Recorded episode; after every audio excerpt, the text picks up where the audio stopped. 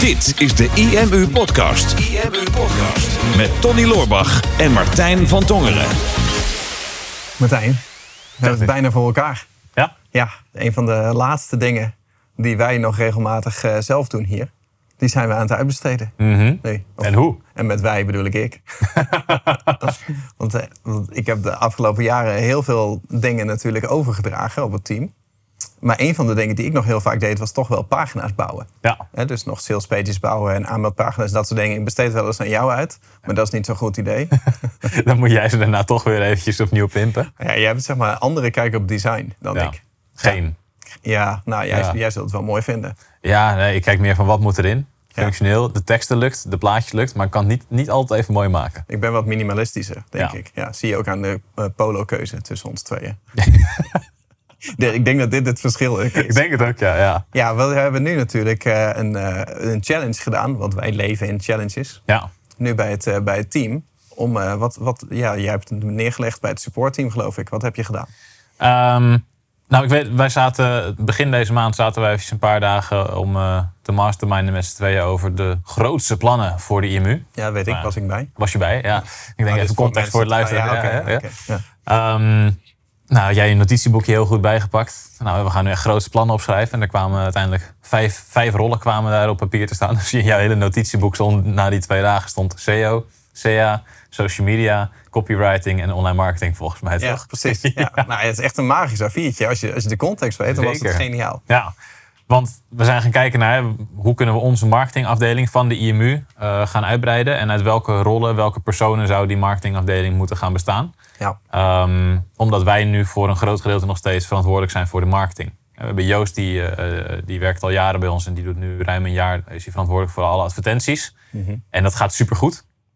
Alleen je merkt omdat, hij nu, omdat er nu een andere persoon op zit, die het aan het sturen is, naast dat wij het zelf sturen, dat hij nu soms ons aan het werk wil zetten van ja, jongens, eh, deze pagina die presteert niet zo goed, dus er moet een nieuwe pagina komen. Ja. En wij hebben het vaak druk. En als we het niet druk hebben, dan kan het ook nog wel voorkomen dat wij niet altijd zin hebben om op dat moment dan zo'n pagina te maken. Dus dat, dat hangt daar een beetje in het midden. Ja. Zo die zijn eigenlijk, als je kijkt naar alle acties, lanceringen en de dingen die het langste blijven liggen, maar wel belangrijk zijn, is dat het bouwen van pagina's, het maken van funnels en dat soort dingen. Dus die rol online marketing van die vijf rollen die worden opgeschreven, dat is een hele belangrijke. Daar gaat een vacature voor op de website komen. Sterker nog, als deze eh, podcast live gaat, denk ik dat die vacature al Ja, op de website Het is staat. geniaal om dat nu te zeggen natuurlijk. Want het is Exact. natuurlijk half marketing Nederland luistert hiernaar. En wij Precies. zoeken gewoon een echt goede online marketeer. Ja. En een online marketeer, zeg maar, die, die zo goed is... dat wij ons er niet meer mee willen bemoeien. Met Exact. proces. Ja. Dus je moet over onze ego's heen... dat wij het los durven te laten. Zo goed moet je zijn. Dat is, wel- dat is echt een droomfunctie. Ja, zoals ik nu dat denk ik ook. Juist Ja. met ons, met ons samenwerken. En, en dat wij dan moeten gaan checken van, nou, durven we dit los te laten of niet? Nou ja, maar dat, dat is het natuurlijk vaak. Dat, dat wij hebben de marketing natuurlijk gewoon met z'n tweeën gedaan de afgelopen jaren. Dus, dus de hele IMU was gewoon eh, een, een groep ontwikkelaars en een groep klantenservice. En, en wij tweeën de marketing. Dat, Mhm. Ja. dat was het zo'n beetje. En op een gegeven moment zijn er wat functies bijgekomen. Hè? Dus, dus eh, video bewerken, eh, social media management, ehm, eh, advies geven in de community. Hè? Wat al ietsje meer marketing was. Nou, Joost dan als eerste echte 100% marketeer. Dus Google Ads draaien en statistieken. Ja. Ehm, en ik vind het heerlijk dat wij nu eindelijk een, een marketingteam aan het bouwen zijn. Want ehm, er zijn een heleboel dingen die, die gewoon op een gegeven moment niet meer kunnen bij ons. Dat alles, alles daar bij, eh, bij ons ligt. Ja. Eh, en je kan niet overal focus op hebben. Hè? Dat, ligt, dat, dat kan al niet in dat ene woord. Maar als jij eh, de hele week bezig bent met Google Ads en statistieken en opschalen, dat is bijna niet te doen als je tegelijkertijd ook. ehm, eh, e-mailmarketing moet doen. En dat je content moet schrijven. En dat je podcasten moet opnemen. En dat je productlanceringen doet. En alles wat je bij elkaar doet. En, en nu Joost dat fulltime doet, focus. Mhm. Begint het inderdaad heel erg op te vallen dat, dat hij daar veel harder gaat dan dat wij ooit konden gaan. Ja. En dat hij inderdaad heel veel dingen van ons nodig heeft. Maar het probleem voor ons zit hem natuurlijk in, eh, je moet het dan wel loslaten. Ja. Als, als hij zegt van eh, ik eh, ga deze opt-in pagina wil ik gaan split testen, dus ik maak even een tweede variant. Dan is er meteen iets in mij die denkt van ja, ik heb die eerste gemaakt. Dus ik wil niet zomaar dat iemand anders dan een tweede gaat maken in een, in een andere stijl. Klopt. En dat kost, dat, dat kost mij te veel tijd en te energie om het te doen. Maar het kost me ook nog moeite om het los te laten. Ja. En toen, eh, toen hadden wij het hierover. En dan ik, ja, er zijn een aantal pagina's waarvan Joost ehm, echt wel graag een extra variant wil. Gewoon om te kunnen testen. Bijvoorbeeld onze boek Sales Page, die converteert nu volgens mij rond de 5% of zo. hij zegt van, dat moet hoger kunnen. Dat denk ik inderdaad ook. Maar ja, dan moet een van ons zich daar kwaad op maken. Ligt misschien aan de headline. dat zou heel goed kunnen, ja. Dus voor eh, de, de oplettende luisteraar, daar, heb- daar, daar hebben we het er al een keer over gehad. Ja, daar hebben we wel eens ruzie over gehad. Dichtstbij zijn bij de ruzie zijn geweest was op dat moment. Ehm, ik ben heel benieuwd wat, wat, wat, wat dan beter zou gaan werken. Maar in plaats van dat wij nu een nieuwe pagina bouwen, dacht ik, ja, die nieuwe online marketeer, dat is eigenlijk de belangrijkste functie. Maar we hebben natuurlijk gewoon een aantal mensen hier in het team zitten die ook goed zijn in online marketing. En nu voornamelijk onze klanten ermee helpen. Dat laat ik een interne challenge uitzetten door ons hele supportteam. Van hey, iedereen die mee wil doen, ehm, maak een variant naar eigen inzicht van onze boek salespage. En dan gaan we kijken naar ehm, ja, welke wij er het beste uit vinden zien, welke wij willen gaan testen. En dan gaan we daar ook echt advertenties op draaien. En dan gaan we kijken welke beter functioneert. Dus welke variant van de pagina van de, van de boek salespage zal voor meer eh, boekverkopen zorgen. Ja. En dat is een fantastisch eh, instrument wat je als online marketeer hebt en wat je als ondernemer hebt om twee verschillende varianten tegen elkaar te testen en kijken waar meer resultaat uit komt. Want als wij straks 100 bezoekers naar die boeksalespage sturen, ehm, of zeg 200 voor het makkelijke rekenen, dan gaan de 100 naar jouw variant en dan kopen er vijf mensen kopen een boek. En dan gaan de 100 naar de variant van bijvoorbeeld Maartje of Boris. En dan kopen zeven mensen kopen een boek. Ja, dat wordt een pijnlijke dag. Exact. Ja, of een dag dat je denkt, oh, ik, moet het, ik kan het gaan loslaten. Ja. Nou ja, maar het, is best wel een interessant proces, weet je. Er zitten natuurlijk, als je hier naar luistert, al een paar leu- leuke tips wel in. Zeg maar, eh, alleen al het feit dat je je eh, marketingafdeling op een gegeven moment kan gaan bouwen. Eh, maar ook alleen al de wedstrijd onderling. Ja. Eh, splittesten, wij hebben dat ook wel eens gedaan met, met videoadvertenties.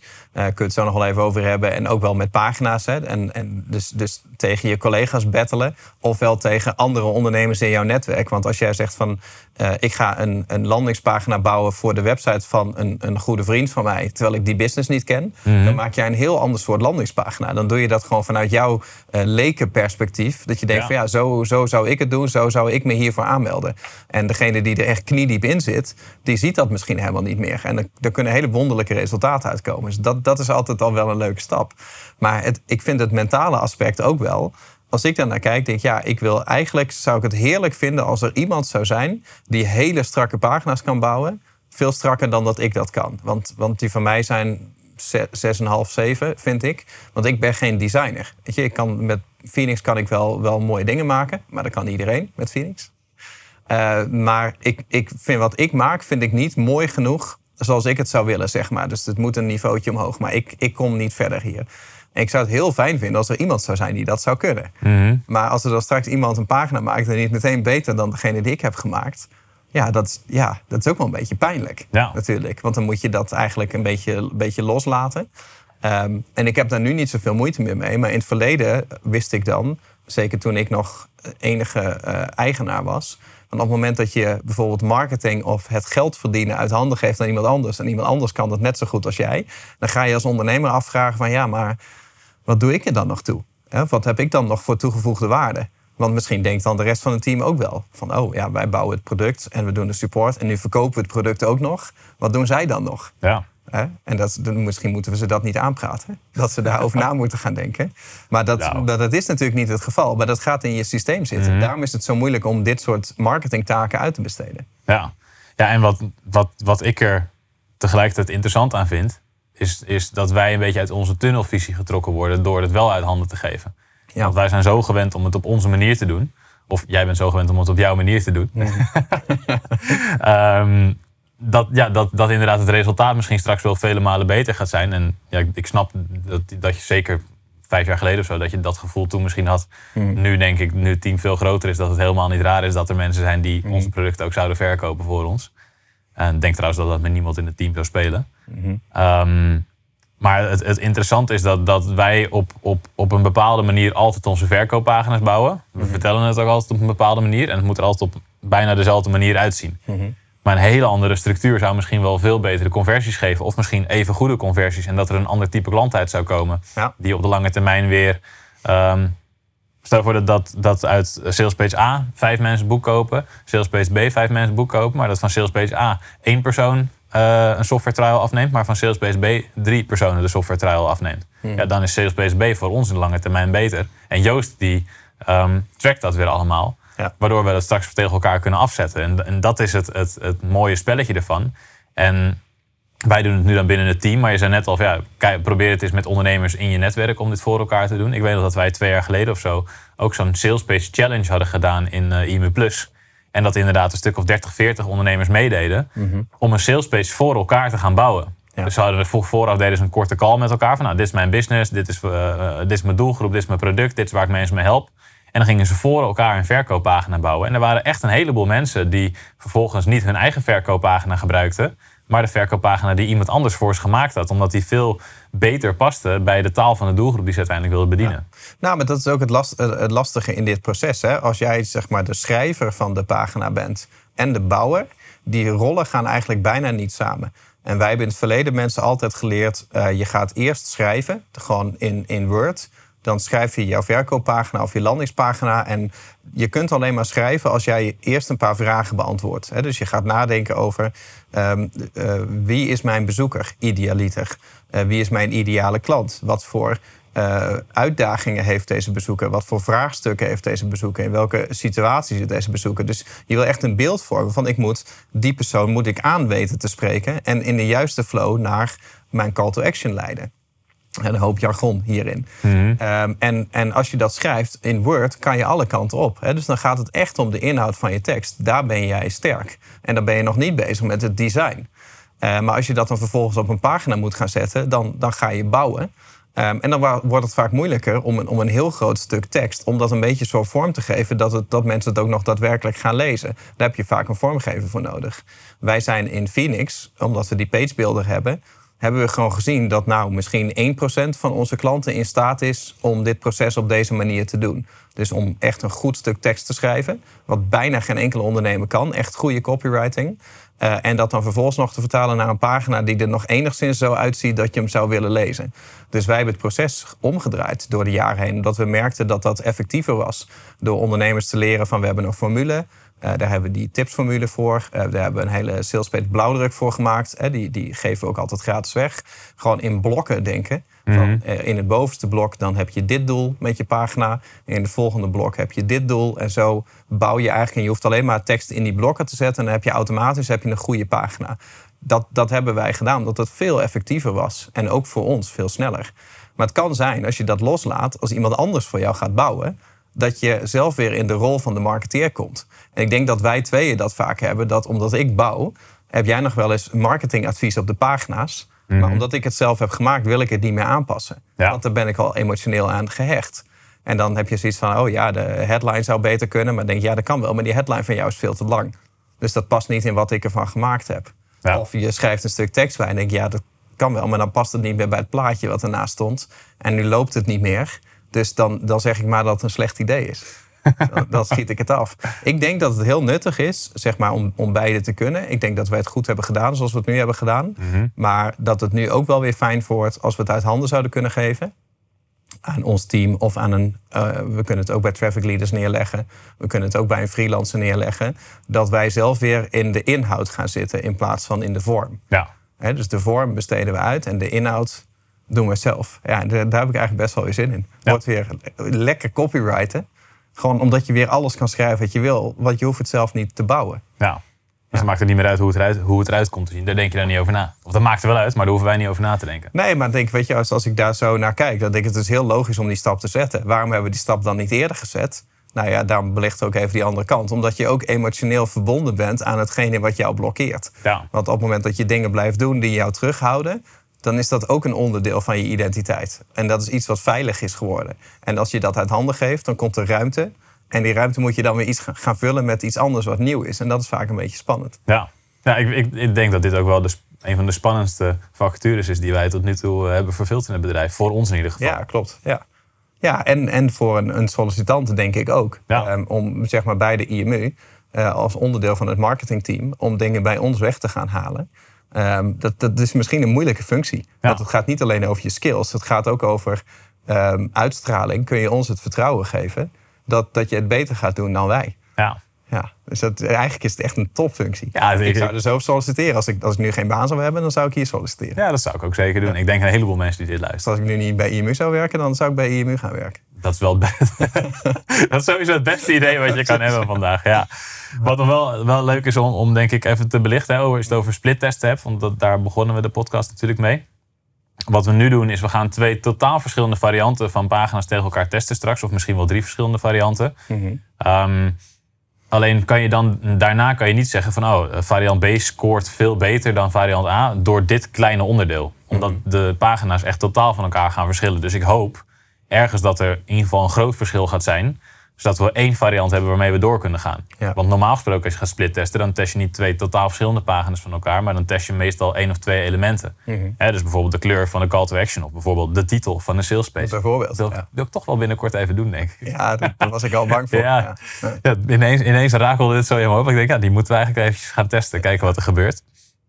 En, en dan weet je, als, als uh, de, de, pagina met de titel van Tony vijf op de 100 mensen converteert en de pagina met de titel van Martijn 10 van de 100 mensen, het gaat natuurlijk keer twee, mhm. ehm, dan weet je van oké, die titel werkte heel goed, daar gaan we op door. En dan kan je een, een volgend element eventueel gaan splittesten. Ja. En dat is hoe je splittest in de basis kan gebruiken. En dat kan je met uh, je website doen door gewoon twee losse pagina's naast elkaar te zetten. Iets wat ik geniaal vind is wat we met Plug and Pay hebben, is dat je echt in drie muisklikken ook je betaalpagina zelfs nog kan splittesten. Mm met bijvoorbeeld een testimonial wel of niet erop, of een stukje extra content er wel of niet op, een uh, videootje er wel of niet op. Dus dat soort elementen kan je natuurlijk ook proberen.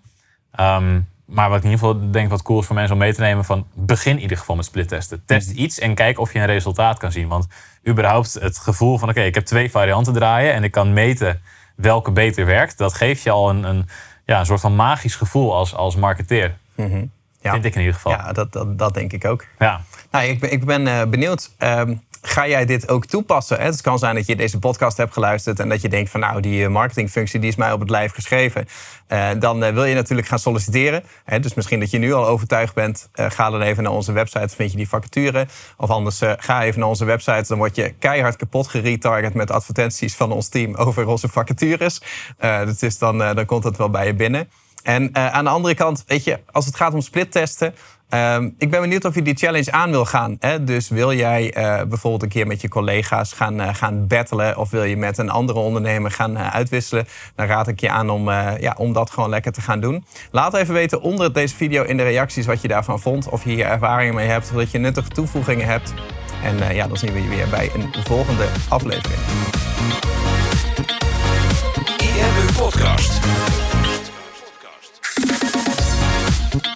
Super tof dat je hebt geluisterd naar de IMU podcast. Ik hoop dat je dit waardevol vond en dat je er inzichten uit hebt kunnen halen voor jezelf en voor je eigen business. Vond je dit nou een waardevolle podcast, dan zouden Tony en ik het heel erg waarderen als je dat zou willen delen.